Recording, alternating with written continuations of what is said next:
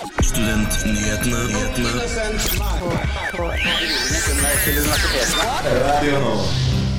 av ti studenter foretrekker fysisk undervisning. Oline Sæter har vært på besøk hos Emneknaggen. Riksrevisjonen mener informasjonssikkerheten i forskningssektoren er for dårlig. Vi er halvveis gjennom januar, og for mange betyr det også halvveis gjennom en alkoholfri måned. Vi må innom det aller helligste temaet blant studenter. Det er jo studiestøtte. studiestøtte. Har du ikke hørt det? Det aller helligste temaet blant studenter. Studentnyhetene hver fredag fra 11 til 12 på Radio Nova. Hei og velkommen til Studentnyhetene. God fredag, alle sammen. Jeg heter Ala Helen Ingebretsen, og med meg i studio så har jeg Sunniva. Hallo. Og så har vi med Sigrun på teknikk. Og så, eh, så har vi mange spennende saker vi skal snakke om i dag, selv om det kanskje ikke har vært så mye som har skjedd. Men likevel noe som skjer. Hvordan går det med deg, Sunna? Hvordan har uka vært? Det går bra. Eh, Dette, jeg har kommet meg gjennom et halvt år uten å være syk en eneste gang, så nå traff det inn. Ja. Men, eh, Sikkert det, for, sånn som for mange andre. Ja.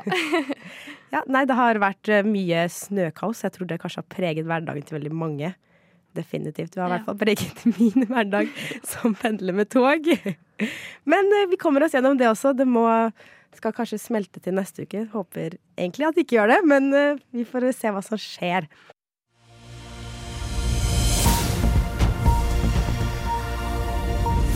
Rett før jul så hadde masterstudenter i barnevernsfag over hele landet en deleksamen i rettsanvendelse i barnevernet.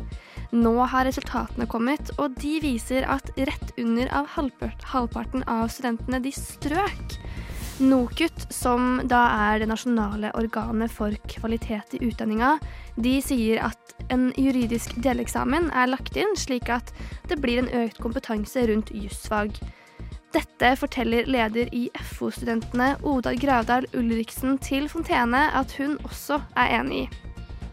Hun mener det er viktig at de som spiller en så stor rolle i mange barn og familiers liv, at de kan det lovverket de jobber rundt. Direktør i NOKUT, Kristin Vinje, sier at disse resultatene tyder på at de må gjøre noe for at studentene skal få bedre juridisk kompetanse. Det var Krono som først omtalte saken. Kritikken har hagla mot Ruter etter en av deres nyeste kampanjer om å kjøpe en årsbillett for å reise kollektivt. Universitas skriver at Ruter har reklamert med et budskap som retter seg mot studenter, der de oppfordrer til å kjøpe årsbillett ettersom man uansett skal så mye ut, som de hinter til i reklamen. Det eneste problemet det er at denne årsbilletten er over 2000 kroner dyrere enn om studentene hadde kjøpt månedsbillett gjennom året.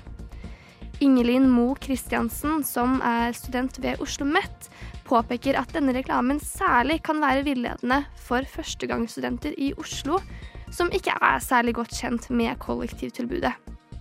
Kommunikasjonssjef i Ruter, Katrine Myhren Haugen, sier at om det er noen studenter som har kjøpt denne 365-dagersbilletten etter reklamen, så skal de selvfølgelig få pengene refundert. Universitas skriver at bokhandelen Akademika på Blindern mangler veldig mange pensumbøker, noe som skyldes en usikkerhet rundt deres avtale med UiO. I utgangspunktet så skal kontrakten deres gå ut ved årsskiftet, og derfor så tør ikke bokhandelen å bestille opp store mengder bøker i frykt for å bli sittende igjen med mange bøker som ikke blir solgt. Flere forelesere ved UiO har opplevd problemer med at studentene ikke får tak i pensumbøkene de trenger til emnene deres. Akademika sier at de kan bestille bøker fra hver enkelt student, men ikke mer utover det. Forbrukerøkonom Magne Gundersen er glad for økt studiestøtte fra høsten av, men han mener studentene må huske på å vente med å feire. Han poengterer til Universitas at han er sikker på at studentene fortsatt blir nødt til å jobbe ved siden av studiene. I det nye budsjettet skal studenter få 1254 kroner mer i måneden fra og med august. Gundersen forklarer at selv om studiestøtten øker, så må man også huske på at prisene de øker også måned for måned, og at økningen ikke gjelder før til høsten. Dette var ukens nyhetsoppdatering, og mitt navn er Sunniva Helene Dahlstrøm.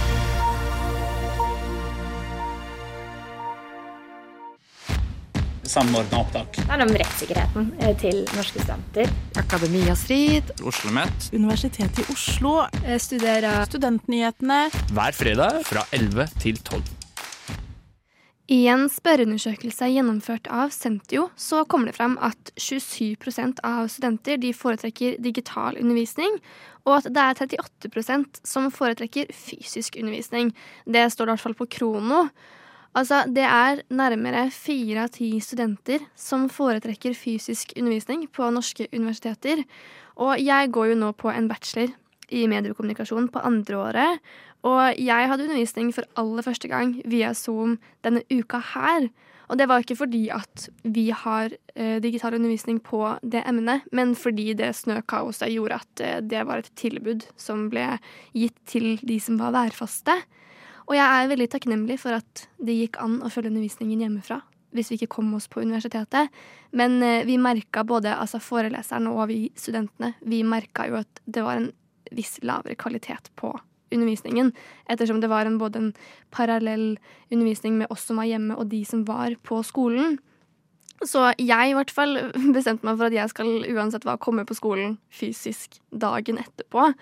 Um, men det er jo liksom mange grunner til at man kan ville ha digital uh, undervisning. Oline Sæter hun sier at det er veldig mange som foretrekker det f.eks. pga. jobb.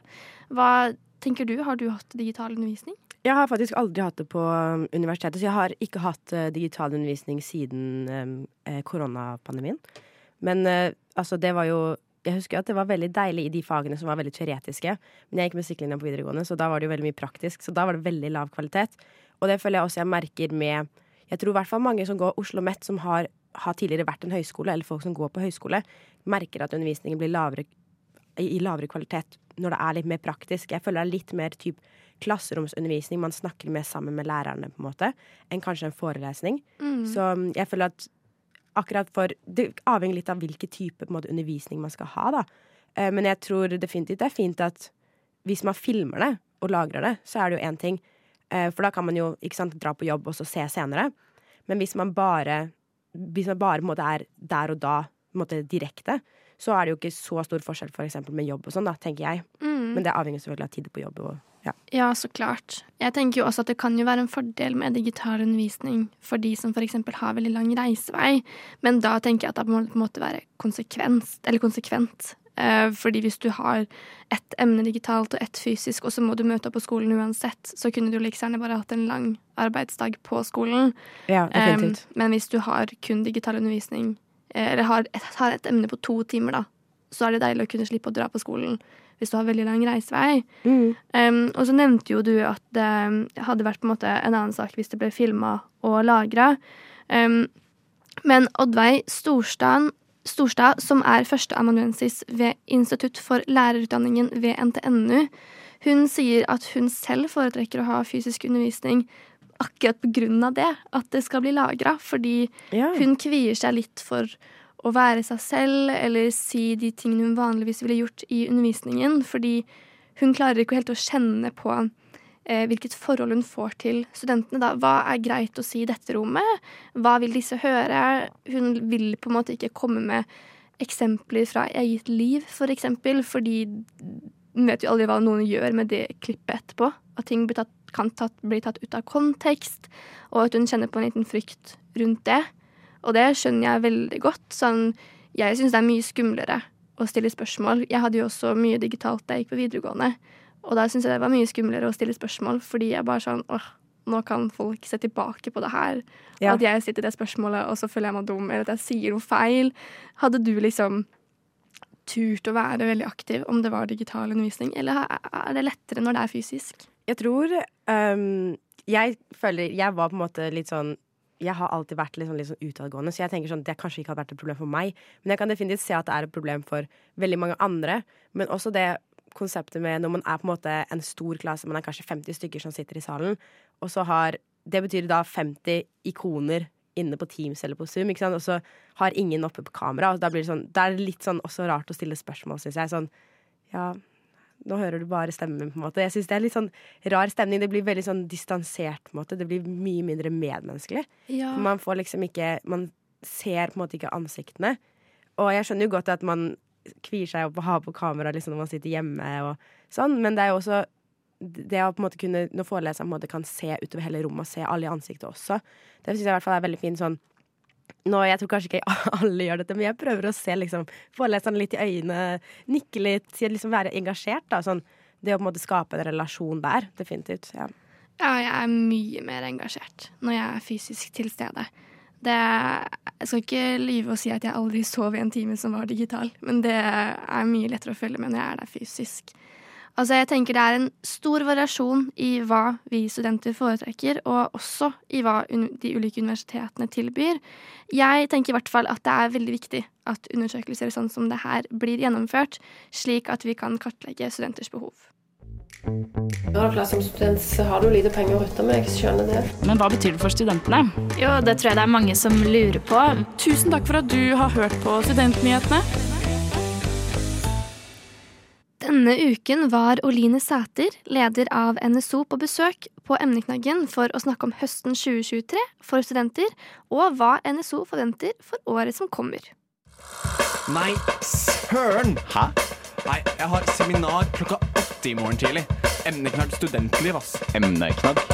Ja, du vet den tingen du putter bakerst i posta dine på sosiale medier, så folk veit hva du prater om? En hashtag? Nei, nei, en emneknagg. En hashtag. En emneknagg, det er det det heter på norsk, skjønner du. Emneknaggen? Emneknaggen. Studentenes diskusjonsforum. Nå er jo vi helt på begynnelsen av et nytt år. Ikke et nytt studieår, men et nytt semester. Eh, og da er det jo mye snakk om nyttårs, nyttårsforsetter, og det er jo ofte noe man vil endre på seg selv. Eh, og jeg tenker at det blir litt hardt å si sånn Hva vil dere NSO endre på dere selv? Men mer hva slags ønsker har dere for eh, det semesteret som kommer nå, og for på en måte eh, hele året? Altså hele året 2024. Har dere noe sånn dette hadde vært helt fantastisk å få igjennom. Vi har et veldig spennende år foran oss, eh, både med tanke på det SV har sagt om at de ønsker å jobbe mot å knytte studiestøtte til G og fortsette å øke den. Det er kjempebra, og det, det blir spennende å følge med på. Og så er det um, en stor politisk diskusjon som kommer i løpet av våren, som handler om at dagens opptakssystem til høyere utdanning, altså det at vi går inn og søker på samordna opptak og Eh, legger karaktersnittet vårt inn, og vi, kanskje med realfagspoeng og språkpoeng og kanskje alderspoeng og hele den pakka der. Det systemet, det jobber regjeringen nå med å legge fram et nytt forslag på hvordan det skal være. Det handler da om spørsmål som skal man ha alderspoeng, skal man ha realfagspoeng, eh, skal det være lov å ta opp karakterer som privatist etter at du er ferdig på videregående? Ja, skal folkehøyskole telle poeng? Altså disse poengene, da, stort sett, og det å ta opp karakterer, det er litt oppe i lufta nå. Det har vært eh, forslag som har tidligere vært debattert, som sier at man f.eks. ikke skal få lov til å ta opp karakterer. Og de foreslår også å fjerne alle typer eh, sånne ekstrapoeng. Eh, og der Det har jo veldig stor konsekvens da, for fremtidige studenter hva slags system man legger til grunn når vi skal søke oss inn på, på studier. Og her mener vi i Norsk studentorganisasjon at man skal ha eh, Først og fremst så skal flest mulige studenter komme inn gjennom å søke på karakterer. Og så mener vi at det er helt riktig å fjerne alle typer poeng. Fordi med en gang man legger på flere poeng, så blir det eh, mange ulike faktorer, mange ulike ting som vi må tenke på. Det gjør det utydelig og mer uforutsigbar, uforutsigbart. og det at alderspoengene eksisterer, gjør at mange venter noen år for, før de har nok poeng til å faktisk søke seg inn. Så vi er litt eh, sånn svart-hvitt på det. Vi tenker at eh, vi bare fjerner alle. Det er riktig, og det er også et sånt eh, offentlig utvalg som har foreslått å gjøre, så der lener vi oss på deres grundige vurdering. Og så mener vi at samtidig som man først og fremst søker med karakterer, så skal man også ha en alternativ vei inn, hvor man på en måte legger liksom, kaster blikket litt vekk fra karakterene, og så ser man hvem er det som søker, hva er motivasjonen, hva er bakgrunnen, har du relevant arbeidserfaring, har du noe ved deg da, som gjør at du er spesielt kvalifisert for det studiet. Og det kan høres omfattende ut, men samtidig så tenker jeg at eh, vi tenker at det er jo studier som har en ganske grundig vurdering av søkeren allerede i dag. Hvis du skal inn på kunstutdanninger eller musikkutdanninger eller bli interiørarkitekt, så må du jo på en måte både levere karakteren og vise at du er eh, kompetent nok.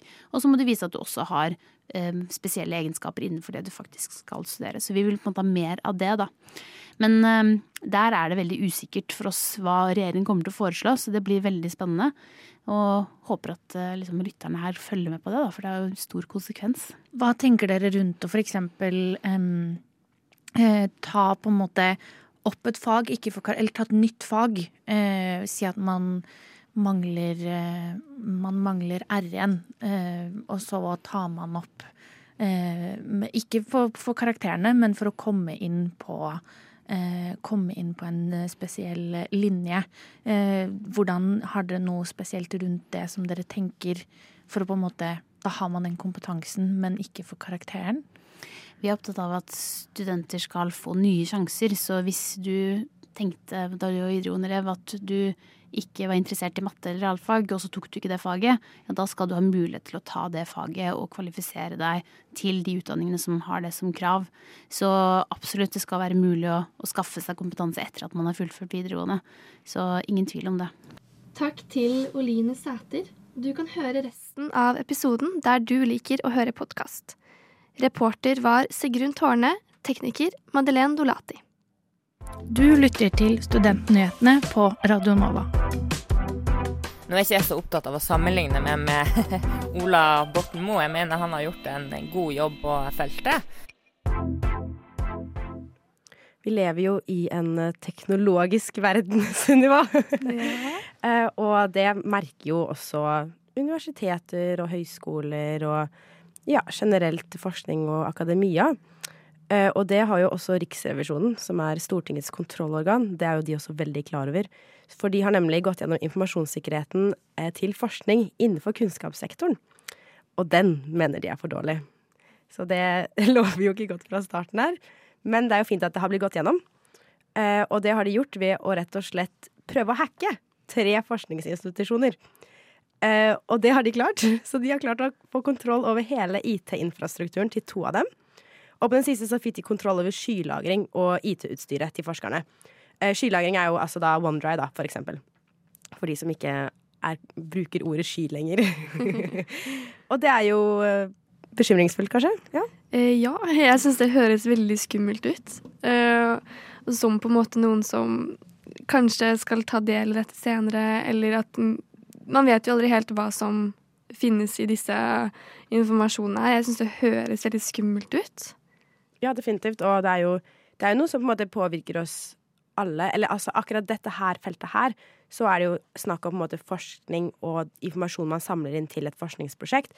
Men jeg tenker sånn generelt datasikkerhet, det er jo Kanskje det er noen som hører på som skal skrive doktorgrad eller forske på noe senere, da. Det er jo relevant for dem, og det er jo også relevant for kunnskapsutvikling på datasikkerhetsfeltet, da. Mm. Eh, og det å få til det. Eh, men det er i hvert fall tre nivåer som Riksrevisjonen har. Eh, altså tre nivåer av på en måte dårlig karakter, da. Så da er det ikke tilfredsstillende, som på en måte er den beste av de tre dårligste. Og så er det kritikkverdig og sterkt kritikkverdig. og informasjonssikkerheten har fått generell karakter, kritikkverdig. Men så har de på en måte også gått litt inn på noen forskjellige punkter. og da er det kritikkverdig at forskningsinstitusjonene ikke er sikret bedre mot dataangrep selv om de er klar over konsekvensene for at sensitiv informasjon kommer på avveie. Oi.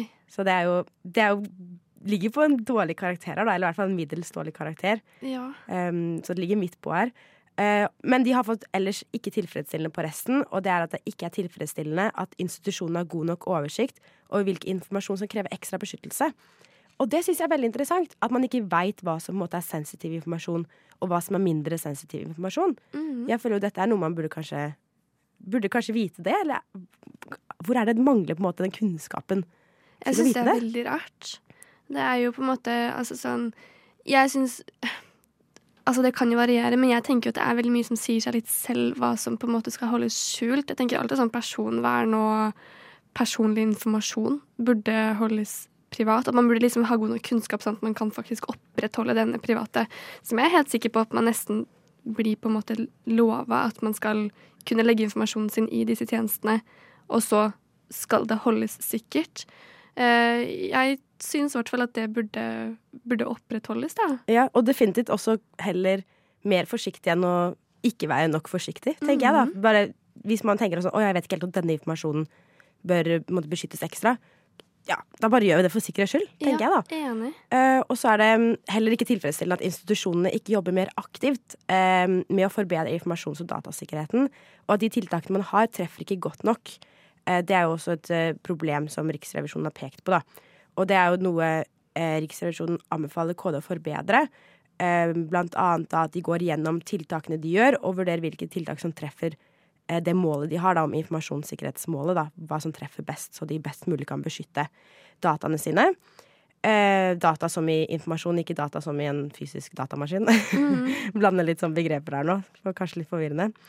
Um, og så anbefaler også Riksrevisjonen at forskningsinstitusjonenes ledelse skal ha større oversikt over tiltakene som gjør, gjøres, og også da får de en større oversikt over sikkerheten. For da kan de jo passe på å implementere tiltak som er nødvendige. Uh, og at de også skal ha større oversikt over hvilke data som beskyttes. Da. Så det er jo litt på det vi snakka om, at uh, det er viktig å vite hva som må beskyttes, og hva som ikke trengs å beskyttes. Eh, det høres Jeg tenker sånn, Når jeg først leste, var jeg sånn «Å, ok, men dette er ikke så omfattende tiltak. Eller sånne omfattende anbefalinger. Men jeg tror kanskje det er en del jobb å gjøre på området. Virker litt sånn. Helt sikkert. Det er jo en grunn antageligvis til at det ikke er godt nok nå. Altså sånn, Hadde det vært kjempelett, så hadde de jo bare gjort det i første omgang, håper jeg da. Men, eh, så det er nok en større jobb enn det man eh, tror. Men eh, jeg håper allikevel at det er noe man ser på som så viktig at de vil opprettholde det, og at de jobber faktisk aktivt mot at dette skal bli endra. For det er ganske viktig. Ja, det håper jeg òg, for det er eh, Jeg føler jeg tenker jeg, Hver gang jeg leser om datasikkerhet, jeg blir veldig sånn her Oi, nei, jeg burde kanskje tenke mer på det, men jeg på en måte har ikke tid i hverdagen min til å tenke nok på det. Så jeg håper at det blir tatt videre, og at noen andre kan tenke på det for meg. Ja. Uh, så det håper jeg blir tatt videre, virkelig. Har dere Senterpartiet glemt studentene når dere skrev deres valgprogram for Oslo? Altså, mulig, men Studentnyhetene. Vi er nyhetsprogrammet av og med studenter. Hver fredag fra 11 til 12 på Radio Nova. Ja, Sunniva, vi er jo begge to studenter, vi òg. Ja. og mange foruk, eller tenker jo kanskje sånn studietida ja, tenker jo at man skal studere, selvfølgelig, men tenker kanskje ofte at man skal feste. Ja. Og det er det jo kanskje mange studenter som gjør mye av. Det er jo 20-åra, liksom. Ja, absolutt. Jeg er jo eh, en studentfest sikkert flere ganger hver uke, liksom. Et eller annet. Definitivt. Um, men derfor er det jo også mange som har nå en hvit måned, som det heter, i januar. Januar er vel sånn typisk hvit måned, er det ikke? Jeg jeg tror fall- det. Ja, det er det jeg har fått inntrykk av. Ja. Men jeg har hørt om folk som har det andre ganger òg, da. Men um, det er i hvert fall at man ikke skal drikke alkohol i januar. Og det er, um, det er vel mange som sikkert studenter som holder på med, siden det er vel de som har et stort alkoholforbruk. Eh, jeg har personlig aldri hatt eh, en hvit måned. Har aldri gjort det. Eh, Har du gjort det? Altså, jeg har på en måte gjort det litt ufrivillig. Ja. Fordi jeg hadde uh, I russetida mi så fikk jeg kyssesyken. Oi, Så ja. da Da blir det sånn ufrivillig hvit måned. Ja, det ble det. Men det gikk skikkelig fint. Sånn Jeg bare innstilte meg på at jeg skal ha det gøy for det. Ja. Og så hadde jeg sikkert til tider bedre enn de som drakk, fordi jeg følte meg jo fresh dagen etterpå, liksom. Så det var egentlig Det er kanskje helt største, største fordelen med Ja. hvit måned.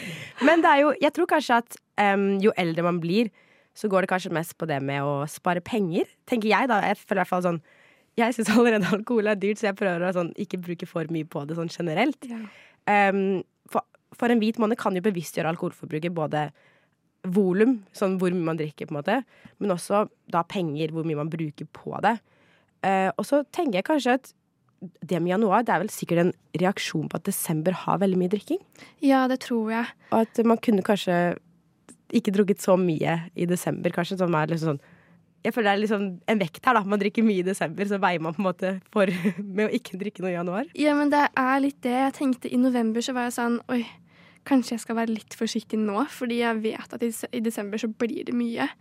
Men eh, det er jo ikke alltid det er like lett når Nei. det er mange ting som skjer.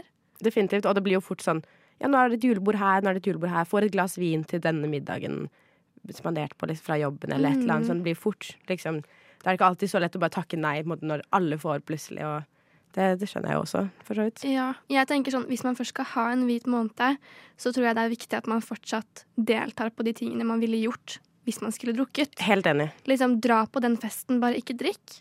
Og så hvis man klarer ikke lat som at man drikker heller. Bare Mm. på en måte stå i det at du er edru, for det er på en måte Jeg syns det skal være fint å bevise at det går an å ha det gøy selv om man ikke drikker. Både for seg selv, men også for andre. Men samtidig ikke legge skam på de som drikker, fordi Ja.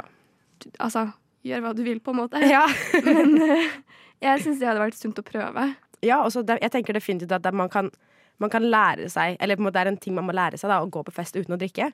Og det er jo det er jo fint det også. Det er fint å gjøre andre aktiviteter. Mange sier jo sånn her, å, hvit måned for å gjøre andre ting enn å dra på fest i helgene.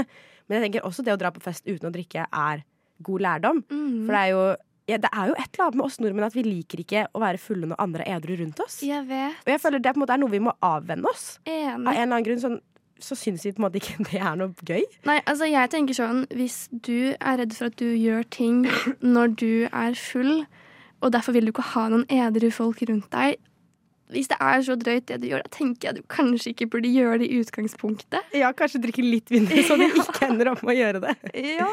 Men ja, det er et eller annet med det, altså.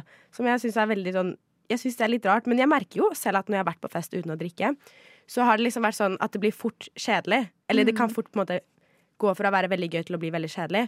Fordi man på en måte ikke blir underholdt av å være litt borte, Ja. måte. Hvis det gir Ja, men jeg skjønner hva du mener. Og jeg føler med en gang Jeg har dratt på noen fester uten å drikke. Og hvis jeg da sier at jeg ikke drikker, så antar alle at jeg har det dødskjedelig. Ja. Altså jeg er sånn, ja, men jeg har jo ikke det. Men så koser blir meg med jeg den isen her, påvirket. ja, ja, men faktisk. Men så blir man litt påvirka av hva andre Ja. tenker også. Definitivt. Og jeg tenker sånn um, For min del så handler det veldig mye om måte, viben, da. Sånn, så det kan, det kan lett være måte, god vibe når man drikker måte, konsert, fordi man, kommer, man blir liksom litt sånn lettere, på en måte. Men jeg føler også jeg kan oppnå den viben liksom, ved at det er god vibe, snakke med folk man liker, Mm. danser og sånne ting. Så det handler på en måte ikke bare om Man kan på en måte få samme følelse da, i kroppen av å liksom Selv om man ikke har drukket. Jeg vet Ja. ikke sånn om det er noe du har opplevd, eller sånn Jo, jo, Kanskje bare altså- jeg liker veldig godt å danse. Nei, nei, men jeg syns også det er kjempegøy. Jeg dro ut med noen venner uten å drikke. Da for så vidt sa jeg ikke til de at jeg ikke drakk, for da var jeg sånn I kveld bare kjører jeg min egen greie, liksom. Mm. Men jeg hadde det så gøy og ble ute så seint, liksom. Jeg tro, trodde ikke jeg skulle det, men Ja. da dro vi på liksom en klubb hvor man uh, dansa. Jeg var sånn åh, det er så mye gøyere, egentlig. Ja, og så jeg føler kanskje, hvert for min del, så et eller annet med å danse. Jeg liker ikke å holde drikke, så jeg blir på en måte Jeg har ikke noe valg enn å ikke drikke. Mm. men det er litt det òg. Så ja, men jeg tenker sånn hvit måned hvis man, hvis man føler for å gjøre det, tenker jeg kjør på, egentlig. Mm. Og støtter definitivt. Og hvis, eh, hvis noen føler for å ikke drikke sammen med noen andre, så er det jo bare å dra med folk òg. Spørre bli med på det her, da. La oss ikke drikke på denne festen her. Trenger ikke å være i januar, kan jo være en helt tilfeldig fest i mai eller Ja. i desember. Må ikke være når som helst. Nei, Så det må ikke være en hel måned heller. Nei, det er jo fint lov å ta pauser når som helst, egentlig. Ja. Det er det. Vi må innom det aller helligste temaet blant studenter. Det er jo studiestøtte. Studiestøtte. Har du ikke hørt det? Det aller helligste temaet blant studenter. Studentnyhetene hver fredag fra 11 til 12 på Radio Nova. Klokka tikker sakte og sikkert mot tolv, som betyr at vi snart er ferdige her i studio. Um, og det betyr også at det straks er helg. Det er jo alltid deilig. Hva skal du gjøre i helga, Sunniva? Altså, jeg har egentlig en veldig fullpakka helg. Jeg skal i to avskjedsfester til en del venner som skal på utveksling det semesteret her. Ja. Og så skal jeg i en bursdag. Det blir koselig, da. Ja. Eh, litt sjuk, så jeg må bare se an litt eh, Ja. hva jeg får vært med på. Men jeg forhåpentligvis er med på alt jeg får FOMO, så da Ja. Det, nei, men den føler jeg jo. Men det er jo fint å ha, ha mulighet til å si ha det bra og Mm. samles en siste gang før utveksling og sånn. da. Ja. Det er det jo. Alltid koselig. Hva skal du? Nei, jeg skal Oi, nå ble... Jo, jeg skal på en klassefest, faktisk. Så det tror jeg blir veldig hyggelig. Her, eh, vi skal jo skrive bachelor nå, så vi skal jo egentlig ikke se på en måte hverandre i det hele tatt nå før neste emne, som starter i midten av mars. Så det er jo to måneder til. Mm. Så det blir veldig hyggelig å se på en måte alle sammen sånn siste gang før vi alle skal sitte blod, tårer og svette over datamaskinene våre som skriver bachelor. Ja, men så, koselig. Det tror jeg blir veldig hyggelig. Det Ja. håper jeg. Og um, ellers er det bare slappe av, nyte Antageligvis inne. Nyte snøværet. Ja. det blir det nok. Så kanskje til og med gå litt ut. Jeg tror det er fint. Det er alltid så fint å gå ut når det snør. Ja, Eller når det er snø, syns jeg. Veldig sånn crisp luft, på en måte. Om det Ja, ja, Sikkert flere som kan relatere og syns det er koselig. Mm. Så um, ja, nei, men det blir sikkert fint, og jeg håper at uh, alle som hører på, også får en fin helg. Selv om det kanskje er litt kaldt, men det er jo bare å lage en kopp kakao, sette på noe koseserie, sette seg under teppet. Så blir det sikkert en superhelg, det òg. Uh, ellers så er det veldig hyggelig at dere har hørt på Studentnyhetene i dag. Og hvis dere vil høre på nytt, så er det bare å høre på podkast. Uh, dere kan også følge oss på sosiale medier. Der heter vi også Studentnyhetene. Uh, og hvis du eller noen du kjenner burde søke til Radio Nova, så ligger det link i byen vår på Instagram. og det blir også et infomøte på Chateau Neuf 30. januar klokka seks. Så er det jo selvfølgelig veldig hyggelig om folk har lyst til å søke Studentnyhetene. Sitte her i studio med oss. Har til og med en ledig stol her i studio. så hvis dere har lyst til det, så er det bare å sjekke linken vår i bioen. Eh, ellers er det bare å høre videre, for radiotjenesten kommer snart. Mitt navn er Ada Helen Ingebretsen, og med meg i studio har jeg hatt Sunniva Helene Dahlstrøm. Og tekniker i dag har vært Sigrun Tårne. Så får dere ha en fin helg videre. Er du student og har en sak du vil at vi skal dekke, send oss en e-post på studentnyhetene at radionova.no. Eller slide inn i DM-ene våre på Instagram. Der heter vi også Studentnyhetene.